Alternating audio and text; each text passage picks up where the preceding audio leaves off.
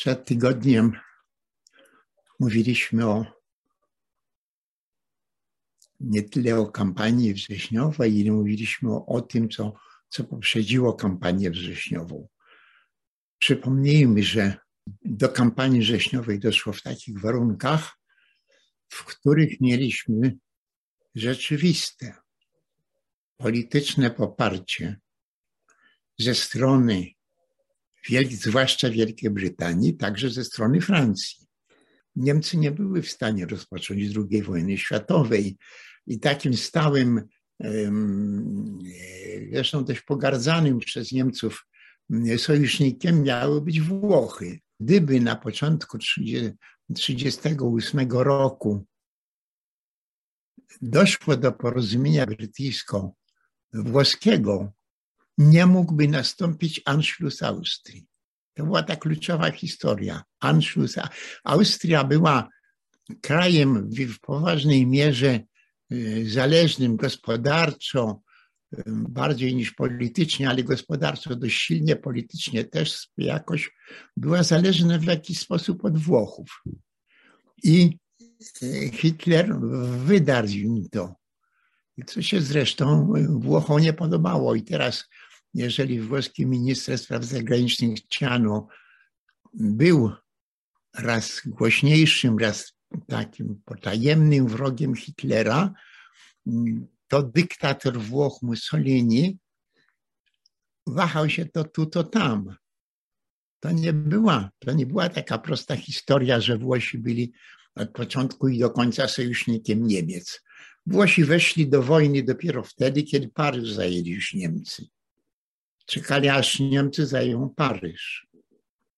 A do czasu Paryża, no między innymi się bardzo życzliwie zachowywali e, dla Polaków, którzy się z kraju usiłowali przedostać do Francji. Przepuszczali je ich bez niczego przez własne granice, pomagali, ale e, pomagali także w Warszawie, dając jakieś papiery, które pozwalają przejechać to są wszystko sprawy zapomniane, ale one były. Ostatecznie Mussolini przez klęskę Francji został jakby wpędzony w wojnę z Wielką Brytanią i tą wojnę oczywiście przegrał, to wiemy, prawda? Zresztą był bo nie miał innego wyjścia. Był wiernym, że tak powiem, sojusznikiem Hitlera, ale nie od 1 września 1939. Od wiosny, od e, maja, czerwca 1940 roku. To, to jest jednak różnica. Mieli ten przechył niemiecki e, dość silny, e, ponieważ faszyzm włoski w jakiejś mierze był mm, formacją, która przewidywała, przygotowywała nazizm niemiecki, nacjonalny na nacji, nacjonalny socjalizm niemiecki, narodowy socjalizm niemiecki, który w, w realizacji swoich działań był o wiele bardziej podobny do Związku Radzieckiego Stalinowskiego niż do faszyzmu włoskiego. To też jest niejako tajemnica historii, e, nieodkryta, nie, niezbadana. E, nie chcę bronić Włochów, którzy słusznie zasłużyli na, na klęskę. W znacznej mierze, w znacznej mierze jednak przymuszeni do tego i, i chcieli, być, chcieli być wielkim mocarstwem, byli krajem mm, w owym czasie mniej więcej militarnie tyle wartym co Polska. To znaczy, jak na Europę, sporo, ale jak na świat, na Niemcy, na Związek e, Radziecki, na Francję, e, to na pewno nie. Związek Radziecki dążył do wojny, ponieważ Związek Radziecki miał dwa powody, żeby dążyć do wojny. Pierwszy powód był powodem niejako ideologicznym, a w zasadzie imperialistycznym, a mianowicie rozpocząć wojnę, żeby Związek Radziecki utrzymał co najmniej ten obszar, który miała Rosja carska. To znaczy kraje bałtyckie, to znaczy kawałek Rumunii, to znaczy pół Polski, czy, czy dwie trzecie Polski. To e, ubierano to w kształt ubierano to w kształt ideologiczny, ale był to kształt imperialistyczny. I teraz to jest pierwszy powód, dlaczego Rosjanie chcieli wojny, a drugi powód był bardzo prosty.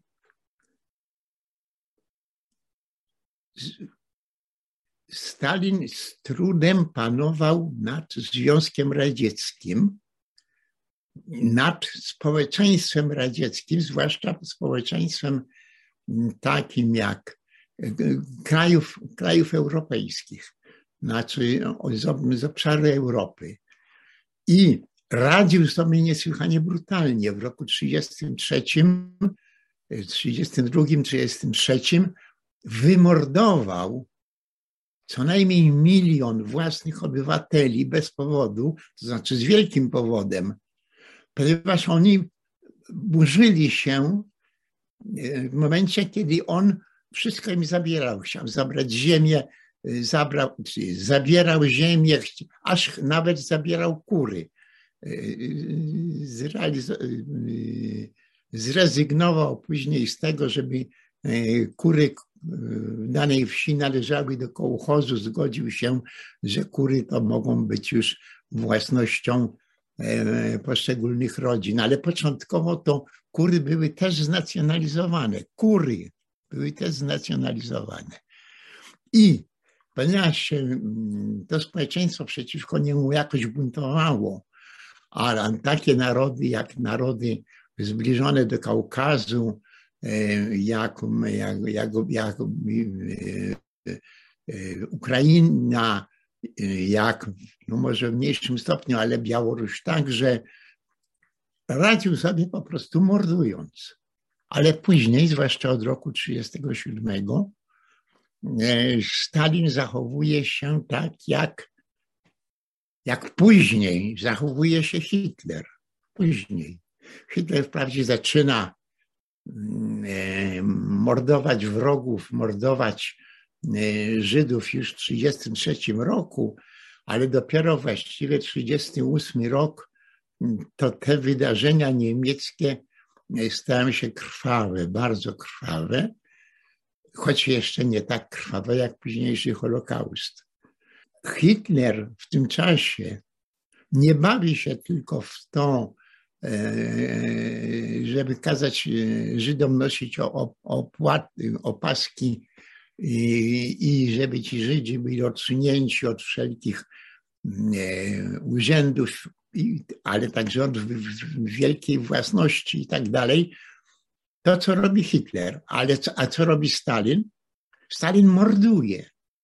W latach 37-38, jeszcze na wiosnę 39, Stalin morduje, nie pozbawia ich możliwości normalnego życia, nie traktuje swoich obywateli jak najgorszych pariasów, ale nie wybierając specjalnie, morduje. Od 1938 roku ogłasza też, że należy, że są wrogowie Związku Radzieckiego. A ci wrogowie to nie są kapitaliści, bo z kapitalistami już się poradzili w latach dwudziestych. Ci wrogowie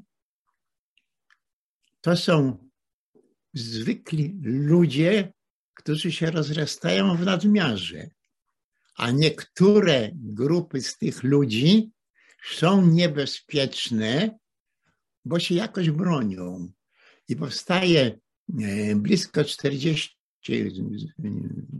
w latach 30. i, w latach poczynając gdzieś od 37 roku aż po, po lata 40, a właściwie jeszcze, jeszcze później, bo 49-50 to jest klęska głodowa w Związku Radzieckim. Nie, historycy nic nie mało co wiedzą na ten temat. Mamy tylko dwa procesy ludzi, którzy handlowali ludzkim towarem, to znaczy zabijali dzieci na handel. I mamy i tylko ocalały papiery z dwóch. To jest 49 rok, tylko ocalały papiery z dwóch sądów z Odesy i z któregoś miasta w Besarabii, to znaczy w dzisiejszej Mołdawii, gdzie ci aresztowani i skazani zresztą na śmierć mordercy dzieci na handel bronią się. To nie tylko my, to przecież wszyscy robią. To przecież wszyscy robią. I rzeczywiście po prostu tak jest. Także ten zbrodniczy, niesłychanie zbrodniczy system stalinowski, nawet z najgorszym komunizmem, który każe wyrazać, wymordować e, wszystkich e, właścicieli jakichkolwiek majątków, ale to już jest ograniczenie. Mordujemy bogatych, mordujemy dość zamożnych, mordujemy świeżo zamożnych. Wszystko dla tych biedaków, którzy pracują, e, bo nie mają własnych majątków. To jest komunizm. Natomiast to, co Stalin stosuje od roku 27, to nie jest komunizm. Pierwsze, pierwszy naród wrogi, co zostało nigdy przez, ani przez Związek Radziecki, ani przez Rosję, nigdy nie zostało odwołane. Pierwszy taki naród wrogi to są Polacy. I teraz członkowie wrogiego narodu mogą być w każdej chwili aresztowani i zamordowani bez procesu sądowego, bez żadnych danych. Oni nic nie zrobili, po prostu, po prostu są Polakami. Ale potem po kolei bardzo szybko Stalin i to nie jako komunista, który bezrobotnych broni, który biedaków broni, tylko jako nacjonalista, który wrogich narodów, który niszczy wrogie narody.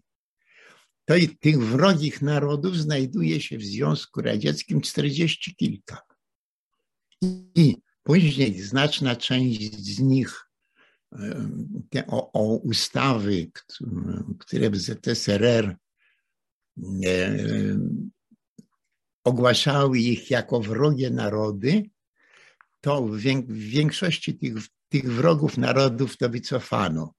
Na przykład Tatarzy krymscy, którzy byli też ogłoszeni wrogim narodem których masowo wysyłali na daleką Syberię, jeżeli nie mordowali, to w pewnym momencie przestano, uznano, wycofano się z ich oceny jako wrogich narodów i nawet zaczęto im pozwalać wracać na Krym. Na, na, tyle byli, na tyle byli wspaniałomyślni. To jest oczywiście i rasizm, i nacjonalizm. Sowieci mówili wszystkim, także własnym obywatelom, że oni są krajem socjalistycznym, komunistycznym i tak dalej. Komunista była tylko część, ale nacjonalizm to była całość. To, a nacjonalizm to była całość. Przy czym ten nacjonalizm był nacjonalizmem także zmieniającym się, jakkolwiek nigdy za wrogi naród nie uznano Rosjan.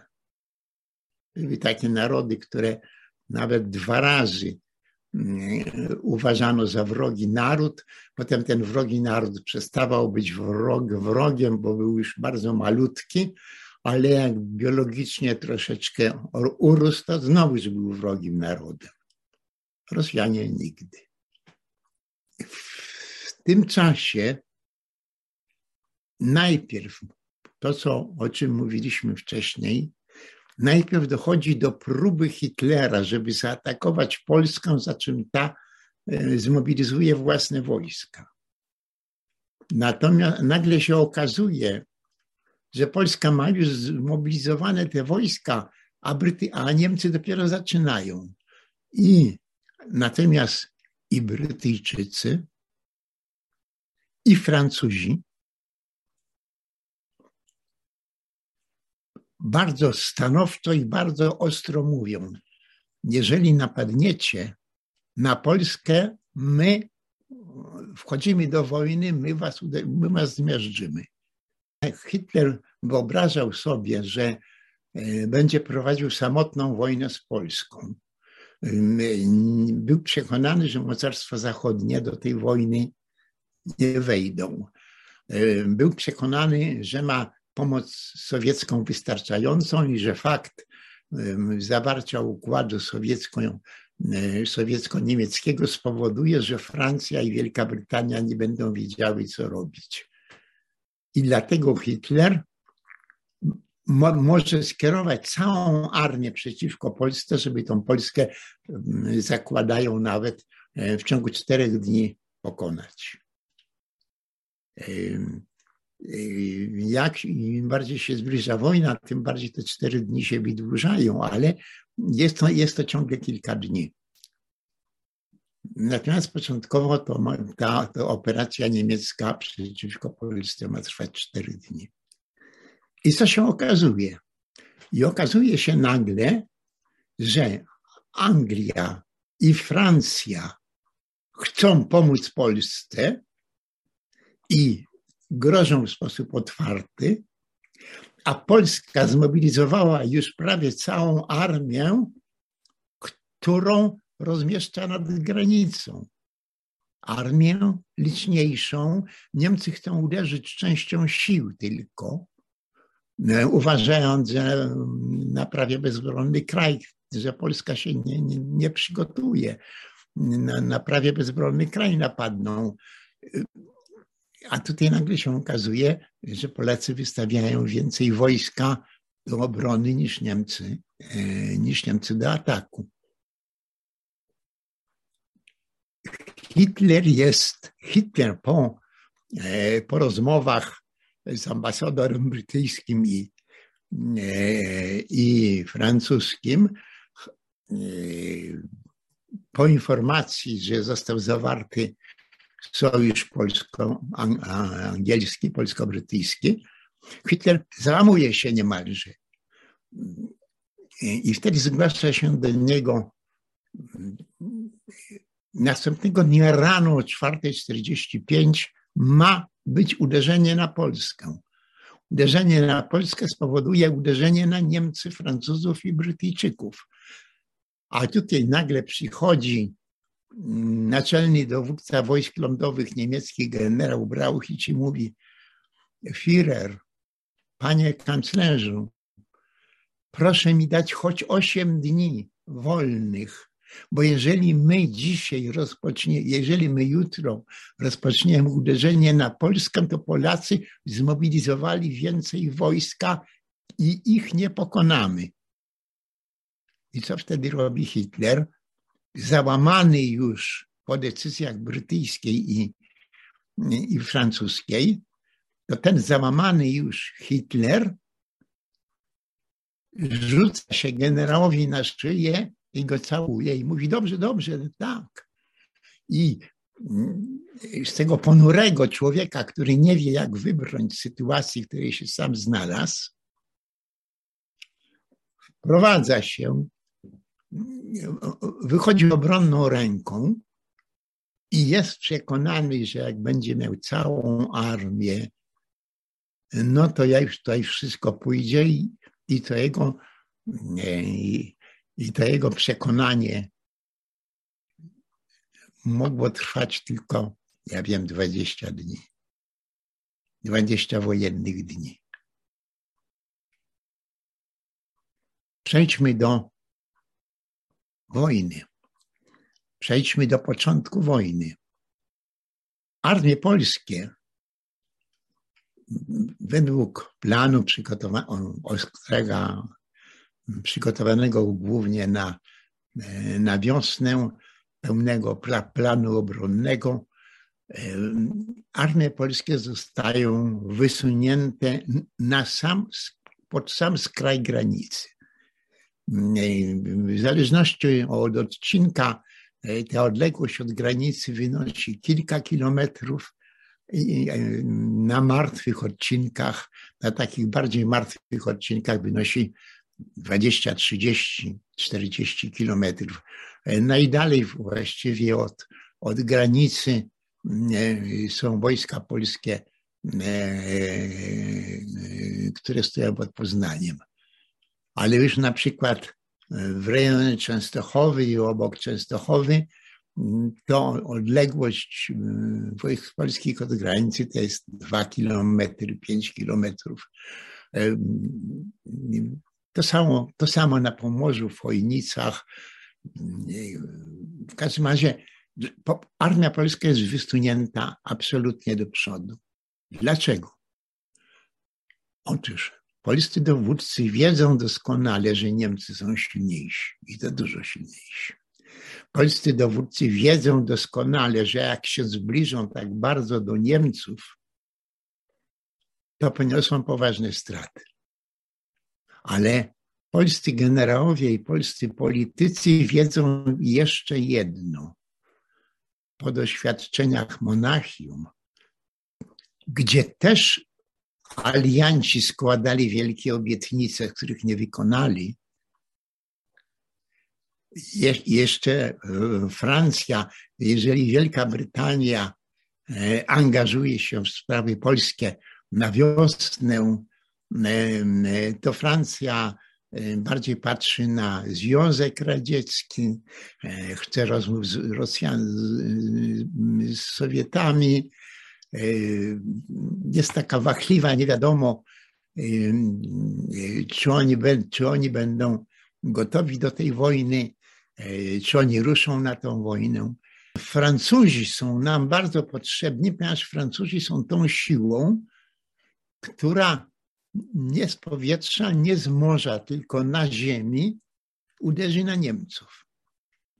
Tylko, że Francuzi są najmniej pe pe pewnym sojusznikiem. E, przekonaliśmy się o tym w ciągu dwudziestolecia niejednokrotnie. Wprawdzie na samym początku dwudziestolecia, jeszcze przed zawarciem traktatu ryskiego w lutym 1900 e, 21 roku marszałek Piłsudski jedzie do Paryża. W następstwie tej wizyty zostaje podpisana, zostało, zostaje podpisane porozumienie wojskowe i polityczne i wojskowe, polskie i francuskie. I to jest jedyne zobowiązanie Francji, że jeżeli kraj sojuszniczy napadnie to Francuzi bez żadnych e, negocjacji, czegoś od razu muszą Polsce pomóc. Tego rodzaju porozumienie zostaje zawarte w końcu zimy 1921 roku. Później Francja zawiera rozmaite inne układy e, z Czechosłowacją, z Rumunią, z Belgią przez jakiś przynajmniej okres czasu zawiera inne układy i żaden z tych układów nie przewiduje natychmiastowego i bezwzględnego uderzenia armii francuskiej. Trzeba zawrzeć drugie porozumienie i dopiero to, to drugie porozumienie dotyczące, że armia francuska wesprze, to drugie porozumienie, tego drugiego porozumienia z nikim Francuzi nie zawierają. To jest, to jest zresztą ta nasza. Tylko, że tylko mimo tak daleko posuniętego francuskiego porozumienia, to nagle się okazuje, że Francuzi już po paru latach zawierają układ z Niemcami i proponują zmianę układu z Polską, e, żeby wycofać się z zobowiązań. Polska się oczywiście na to nie zgadza ale kilkakroć w ciągu, tym w ciągu tego okresu dochodzi do zbliżenia, jakiegoś zbliżenia francusko-niemieckiego, dochodzi do sytuacji, kiedy Francuzi chcą rozwiązać układ wojskowy z Polską, jeszcze w 1938 roku w istocie tak się zachowują, jakby, jakby Polska nie była do niczego niepotrzebna. Minister Beck na, na wiosnę 1938 roku zgłasza nawet Francuzom ofertę, że Polska może być dołączona do bloku Francja, Czechosłowacja, Polska. Oczywiście pod warunkiem, że Czechosłowacja się zgodzi. Francuzi mogli to narzucić Czechosłowacji.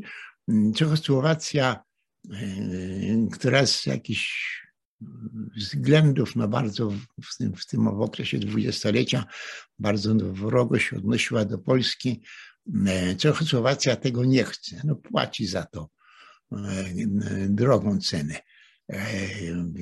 Wejście Polski do, do tego trójsojuszu w 1938 roku nie dopuściłoby do, nie doprowadziłoby do żadnego, do utraty żadnych Sudetów, a potem upadku Czech czy, czy, czy Czechosłowacji.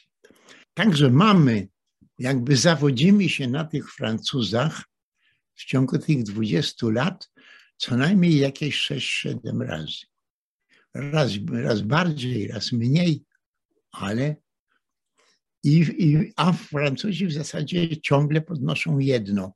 Zwolni, zwolnijcie nas ze zobowiązania pomocy militarnej. Polska nigdy tego nie chce zrobić, dlatego że rezygnując z, z tej obowiązkowej pomocy, E, no, w istocie skazana jest na samotną wojnę. Mała szansa. I jeszcze tak się dzieje w istocie na wiosnę 1939 e, e, roku. Jeszcze wtedy ta, ta Francja jest nie bardzo. Po czym? Pod wpływem brytyjskim.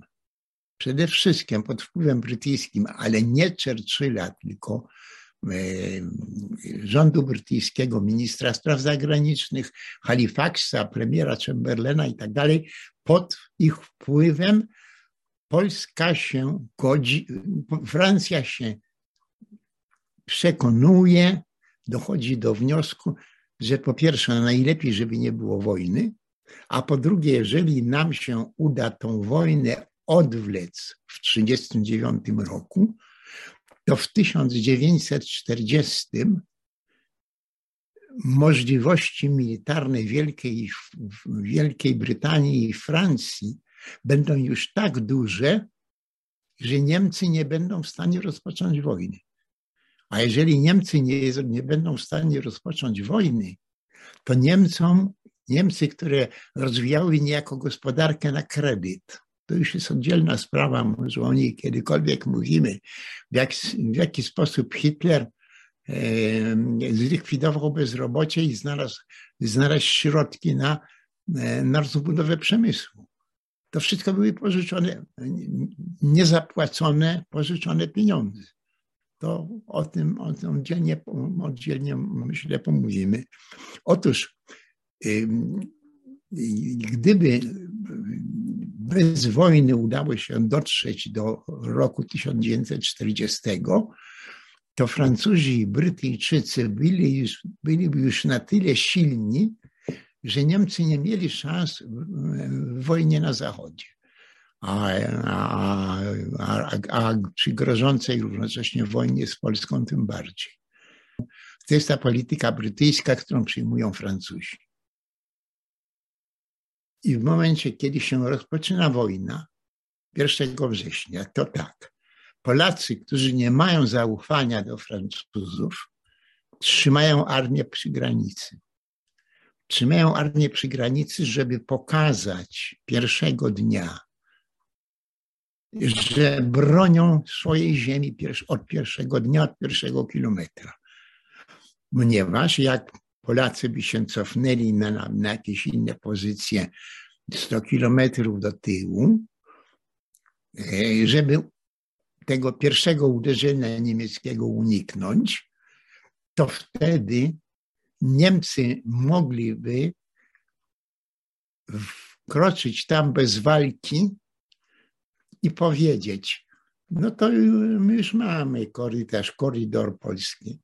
My już mamy, już nam, my już mamy Górny, Górny Śląsk. Już nam nic więcej nie trzeba. I, po, I Polacy nie są w stanie ich wyprzeć, a mocarstwa zachodnie powiedzą, no tak, ale wojny być nie powinno, brońmy się przed wojną. Natomiast Pol Polska traci, traci mm, co najmniej Pomorze, traci Gdańsk, traci co najmniej Pomo mm, Pomorze e, i Śląsk, może, może część Wielkopolski. Stąd armia polska musi być nad granicą i jak padają pierwsze strzały, to od razu mówimy Francuzom i Brytyjczykom, dołączajcie. To zresztą e, rano 1 września i ambasador Łukasiewicz w Paryżu i ambasador Raczyński e, w Londynie e, mówią natychmiast Bonetowi francuskiemu i Halifaxowi brytyjskiemu mówią natychmiast, jak się zaczyna wojna, atakujcie Niemców. I dostają odpowiedź. Możemy zaatakować Niemców. Żeby zaatakować Niemców, nasze konstytucje przewidują, że może taką decyzję podjąć tylko parlament. Jutro się zbiera nasz parlament brytyjski, francuski. I jutro ten nasz parlament, który się zbiera, przyznaje rządowi nadzwyczajne, nadzwyczajne mm, koncesje y, i finansowe, wojskowe i tak dalej, i, i, przy, i, i przyznaje rządowi wojnę, prawo rozpoczęcia wojny. Więc nie można pierwszego dnia, dopiero 2 września. Co jeszcze bardziej umacnia przekonanie polskie, że trzeba się bronić od samej granicy. Ponieważ Polska zakłada, że Wielka Brytania prędzej, a Francja trochę później, ale może nie tak od razu, przystąpią do tej wojny. Tylko jak my Niemcom zostawimy pusty, pusty teren bez wojny, to oni w ogóle wojny nie rozpoczną, oni, oni po prostu nie, nie bronią, tylko zajmą. I co więcej, tuż przed wybuchem wojny 31, 30-31 sierpnia Niemcy nagle występują z innym, z innym planem, tak zwanym 16-punktowym. I co ten plan przewiduje? Jeżeli przedtem Niemcy żądają, że Polska ma e, oddać Gdańsk, oddać eksterytorialną e, drogę przez Pomorze i tak dalej, a przede wszystkim, że e, Polska musi jakby przystąpić do obozu niemieckiego. To nie jest jakieś otwarcie zredagowane stwierdzenie, natomiast Niemcy o tym myślą, a, Warszawie wiedzą, co o tym myśleć. I w tej sytuacji Niemcy mówią, mamy plan 16-punktowy i te 16 punktów przewidują, że armia polska wycofa się z Pomorza przez cały rok, po prostu nie wejdzie na to Pomorze i po roku odbędzie się tam plebiscyt, czy ta ziemia ma należeć do Polski, czy do Niemiec. Oczywiście, że jest to mniej więcej to samo, e, co wycofanie wojsk z nadgranicy i oddanie, e, i oddanie mm, e, tego terytorium. Nawiasem mówiąc, trudno powiedzieć ogólno, głównie e, historycy e, e, głównie uważają, że ten plan 16-punktowy nie miał, nie miał żadnego znaczenia, bo, bo tylko była kwestia no jakby rzekomego, rzekomej dobrej woli Niemców. I nic więcej, nic więcej nie chcieli. Chcieli jeszcze ten jeden dzień odczekać, bo, bo może Brytyjczycy i Francuzi też się zreflektują. Natomiast, natomiast bardzo możliwe jest, że Hitler po tym pierwszym doświadczeniu, kiedy wojna miała wybuchnąć w sobotę 26 sierpnia i nie wybuchła, ale Hitler to bardzo ciężko przeżył, to może jednak Hitler myśli, no to rzeczywiście nie róbmy tej wojny i po prostu jak Polska opuści to terytorium, to my spokojnie w ciągu roku go zajmiemy bez żadnej wojny. Nie może, moim zdaniem nie można takiej koncepcji e, niemieckiej wykluczyć. Jakkolwiek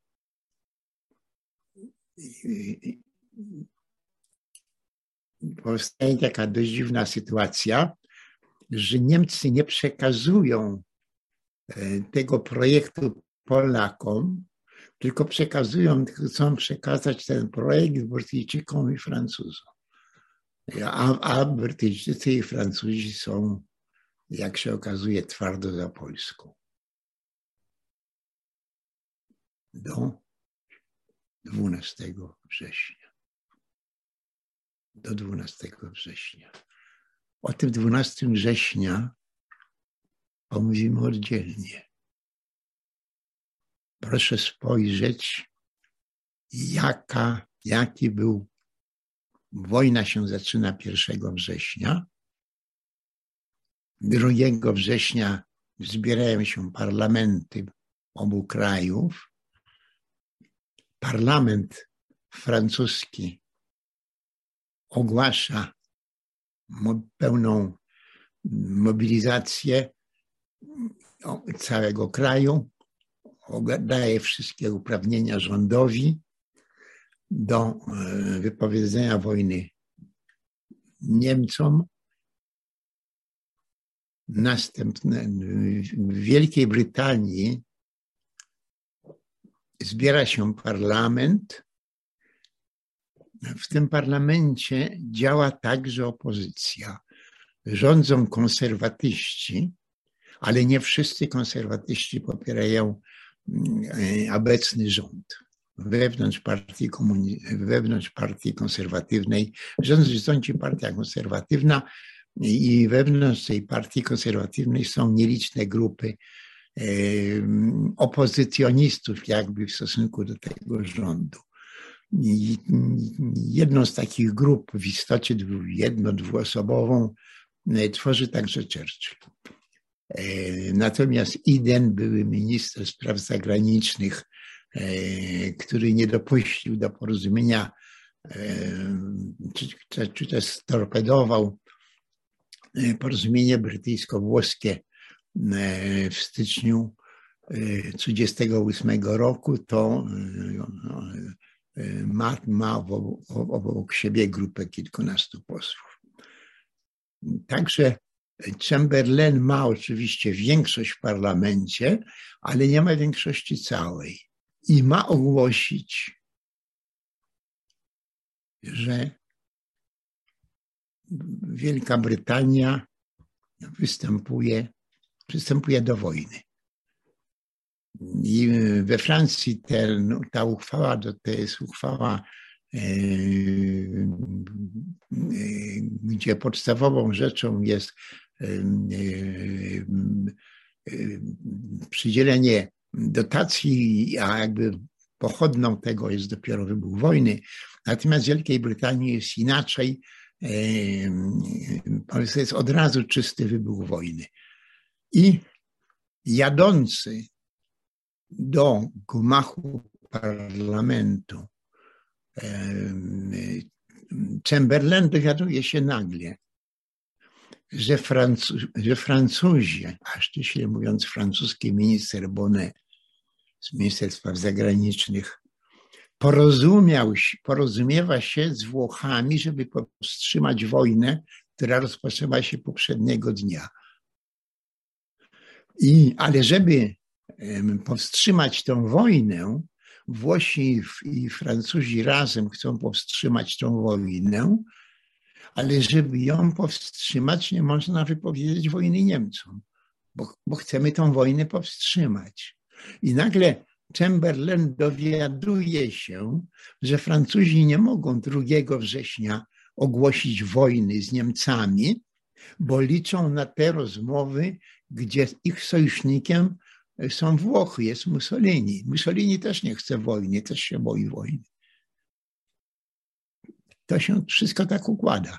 I, i, i teraz pojawia się e, Chamberlain na w Gmin, tylko nie może wypowiedzieć wojny, bo Francuzi nie, powie, nie dołączą. Ulegną jakiejś kompromitacji. I zaczyna opowiadać jakieś historie, my tutaj się musimy przygotować, musimy owego. I oczywiście, i to jest, to możemy sobie czytać w podręcznikach historii, bo to jest bardzo szeroko w podręcznikach historii głoszone, że co, co Chamberlain? Chamberlain się wystraszył wojny i przyjeżdża do Sejmu i do, przyjeżdża do Izby Gmin e, i się chce z tej wojny wycofać. A równocześnie e, socjaliści e, krzyczą za wojną, Iden krzyczy za wojną, ci, ci, którzy nie popierają rządu, krzyczą za wojną, Natomiast ma zamknięte usta Chamberlain. W ciągu kilku następnych godzin do, do nocy minister spraw zagranicznych Halifax zmusza Francuzów, żeby przerwali rozmowy, z Włochami i wypowiedzieli wojnę Niemcom. I e, ponieważ głównym zwolennikiem e, tego doprowadzenia do pokojowego rozwiązania jest minister spraw zagranicznych Bonnet. On jednak należy do zupełnie innej partii niż premier Daladier. Pozostają w złych stosunkach. Każdy prowadzi, każdy jest jakiś samodzielny i każdy prowadzi inną, inną politykę. I teraz premier Daladier zaczyna dążyć do tej wojny, natomiast Bonnet usiłuje tę wojnę zatrzymać. I nacisk, nacisk Halifaxa, bardzo brutalny nacisk Halifaxa, e, który jeszcze trwa do nocy 2, 2 e, września, zmusza Bonnet, e, że ten się po prostu wycofuje, że ten się po prostu wycofuje. I Wielka Brytania postanawia, i Anglia, i Francja e, postanawia wypowiedzieć wojnę Niemcom, ale nie drugiego. Początkowo myślą o czwartym, e, pod, pod tym bre, pod tą presją brytyjską myślą przychodzi, dochodzi do, do, godzą się na trzeciego, września i 3 września o godzinie 11 angielski ambasador Henderson zgłasza się do niemieckiego Ministerstwa Spraw Zagranicznych. Minister e, nie chce go, nie chce się, boi się jakby tej rozmowy i wysyła tłumacza Schmidta niejakiego tłumacza, całego tłumacza Hitlera i ambasador francuski Henderson odczytuje deklarację. Jeśli w ciągu dwóch godzin najbliższych, czyli do pierwszej, od 11 do pierwszej, jeżeli w ciągu dwóch godzin Niemcy nie przerwą ataku na Polskę i nie wycofają się z Polski, to Wielka Brytania znajdzie się w, e, znajdzie się w wojnie z Niemcami. Schmidt, ten tłumacz, z tą wiadomością idzie do Hitlera. Hitler siedzi we własnym gabinecie razem z, z Ribbentropem, swoim ministrem spraw zagranicznych. Natomiast duża grupa tych szefów państwa niemieckiego gromadzi się w pokoju obok. A wchodzi ten Schmidt, tłumacz, wchodzi do Hitlera, odczytuje tą deklarację. Patrzą na siebie ponuro Hitler i, i jego minister spraw zagranicznych. Schmidt wychodzi do tego pierwszego pokoju, gdzie jest pełno ludzi z Geringiem na czele i mówi za, za dwie godziny wojna. I wtedy, wtedy mówi Gering. Jeśli przegramy tą wojnę, to niech łaska boska ma nas w nas opiece. Godzinę po Brytyjczykach Francuzi zaczynają szykować się do wypowiedzenia wojny Niemcom. Jeżeli Henderson przybył o godzinie 11, o godzinie, o godzinie 13, Francuzi przygotowują się do rozmowy z Niemcami i postanawiają też po dwóch godzinach po, po porozumieć się z Niemcami. Tylko, że proponują, przewidują, że wybuch wojny nastąpi o godzinie 6, 4, o godzinie 6, 4 września.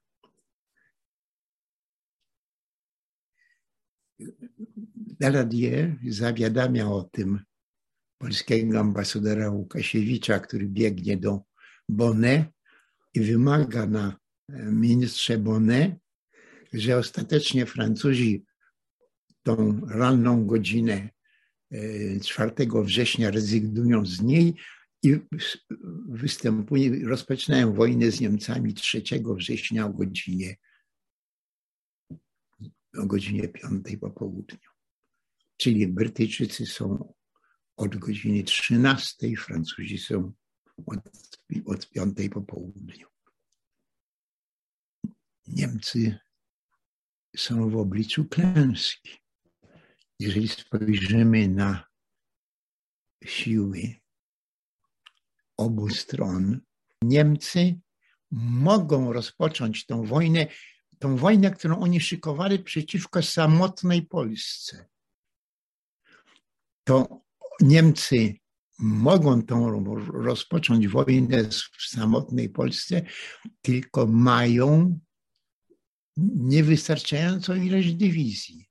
Niech, niech Bóg nas ma w swojej opiece, to te słowa odnoszą do tego, że armia niemiecka, która tak, tak naprawdę ten swój poziom osiągnęła dopiero w roku 40, armia niemiecka jest wystarczająca, żeby walczyć z samotną Polską, ale armia niemiecka jest niewystarczająca, żeby walczyć z koalicją. I 3 września, kiedy, kiedy powstaje koalicja i wojna się staje światowa, do tego 3 września potęga militarna koalicjantów, trzech koalicjantów Wielkiej Brytanii, Francji i Polski, potęga militarna tych koalicjantów jest dwukrotnie większa niż niemiecka. Hitler uważa, że siłą woli przełamie tę różnicę. I za tydzień może wrócimy do tego tematu.